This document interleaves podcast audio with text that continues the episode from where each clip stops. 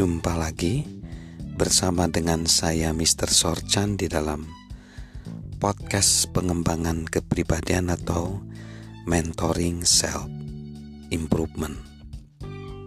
Saat ini kita masuk ke dalam tanda yang pertama dari hubungan solid yaitu saling membawa kesenangan.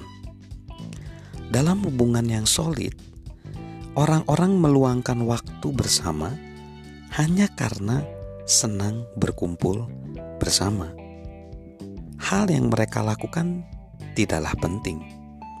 Sebagai contoh, relasi saya dengan istri saya. Kerap kali saya dengan istri saya berjalan bersama. Apa yang menyenangkan daripada sekedar membeli sayuran, mengambil barang pada toko yang terdekat, Ya nggak ada sih. Yang penting saya bisa meluangkan waktu bersama dengan istri saya.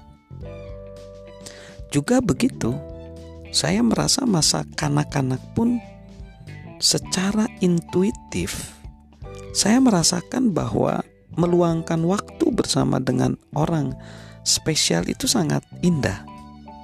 Ingat nggak kita bagaimana rasanya duduk di pangkuan ibu kita atau ayah kita ketika kecil atau bagaimana hati kita gembira ketika dikunjungin sama paman kita, sama kakek nenek kita. Terus gimana sih rasanya kita berkencan pertama kali? Ya sayang sekali sih, kadang kesibukan dan tekanan hidup acap kali membuat kita melupakan betapa bahagianya momen-momen itu. Saya selalu menghargai waktu bersama dengan istri saya.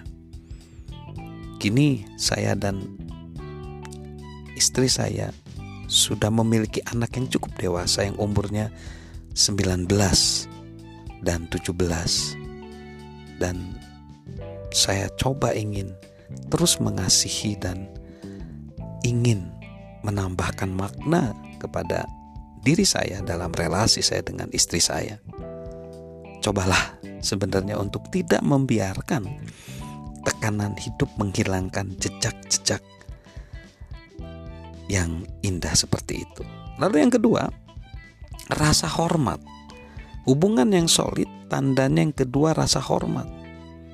Ketika kita menghargai seseorang dan nampak dari luar, kita akan mendapat rasa hormat dari dalam hati.